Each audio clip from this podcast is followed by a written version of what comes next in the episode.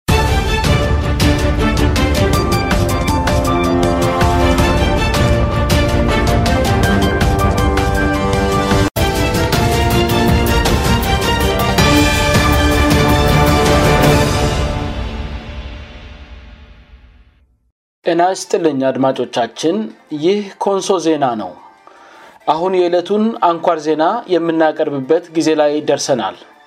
ዜናውን የማቀርብላችሁ የአቬሎ ናታዬ ነኝ አብራችሁን ሁኑ አርስ ዜናውን በማስቀደም የዕለተ ሐሙስ ሰነ 102013 ዓም አንኳር ዜናውን ያሰማለሁ ምርጫ ቦርድ ለኢትዮጵያ ሰብዊ መብት ኮሚሽን የምርጫ መታዘቢያ የኢለፍ ካርድ መከልከሉ ተሰማ የኢትዮጵያ ሰብዊ መብት ኮሚሽን መጪውን ምርጫ ከሰብዊ መብት አንጻር ለመታዘብ ዝግጅት አድርጎ በሀገሪቱ በተቋቋሙ ምርጫ ጣቢያዎች ለመገኘት የሚያስችለውን የኢለፍ ካርድ ብጠይቅም ምርጫ ቦርድ የተጠየቀውን የኢለፍ ካርዱን ለኮሚሽኑ እንደማይሰጥ ህግ ጠቅሶ መከልከሉ ተሰማ ምርጫ ቦርድ ኮሚሽኑ ላቀረበው የኢለፍ ካርድ ጥያቄ ሰነ7 ቀን 2013 ዓም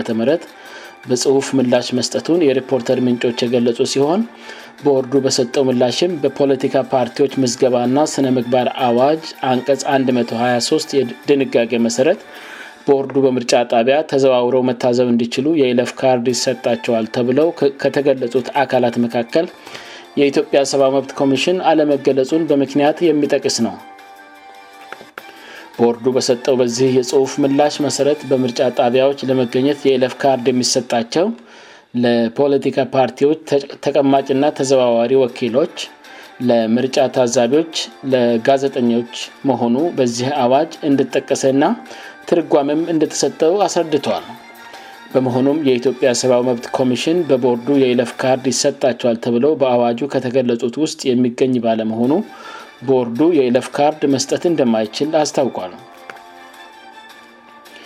የኢትዮጵያ ሰብዊ መብት ኮሚሽን ምርጫ ቦርድ የሰጠውን ምላሽ በመቃወም ቦርዱ ውሳኔውን ዳግም ገምግሞ ማስተካከያ እንዲያደርግ መጠየቁን ምንጮቻችን ገልጸዋል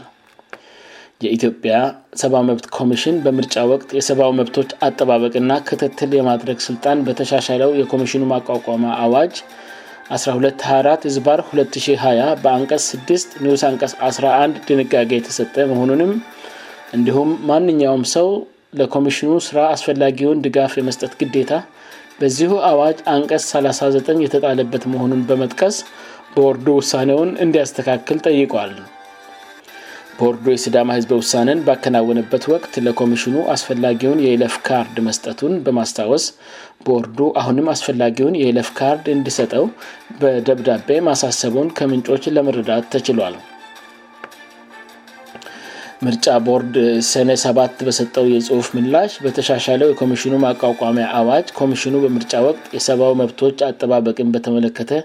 ክትትል እንዲያደርግ ስልጣን የተሰጠው መሆኑን እንደሚገነዘብ የጠቀሰ ሲሆን ነገር ግን ኮሚሽኑ በምርጫ ጣቢያዎች እንድገቡ በቦርዱ የኢለፍ ካርድ እንደሚሰጣቸው በአዋጭ 11 62 ዝ2011 ከተጠቀሱት መካከል የኮሚሽኑ ስም ባለመጠቀሱ የኢለፍ ካርዱን ለመስጠት እንደማይችል አስታውቋል ኮሚሽኑ በምርጫ ወቅት የሰብው መብቶችን አጠባበቅ ላይ ክትትል የማድረግ ስልጣን በአዋጅ እንደተሰጠው ቦርዱ ካመነ ኮሚሽኑ ይህንን ሀላፍነቱን እንደት ሊወጣ እንደሚችል ማወቅ አሊያም መገመት ይኖርበታል ስሉ ምንጮቹ ይገልጻሉ ኮሚሽኑም ለቦርዱ በጻፈው ምላሽ ደብዳቤ ሰብውነት የምርጫ ጣቢያዎች ና የምርጫ ሂደት ለአካል ጉዳተኞች ተደራሽ መሆናቸውን ለማረጋገት በምርጫ ጣቢያዎች መገኘትንና ማጣራትን ይጠይቃል በማለት ዋና ኮሚሽነሩ ዶክተር በቀለ ማስረዳታቸውን ምንጮቹ ጠቁመዋል ዘገባው የኢትዮጵያ ሪፖርተር ነው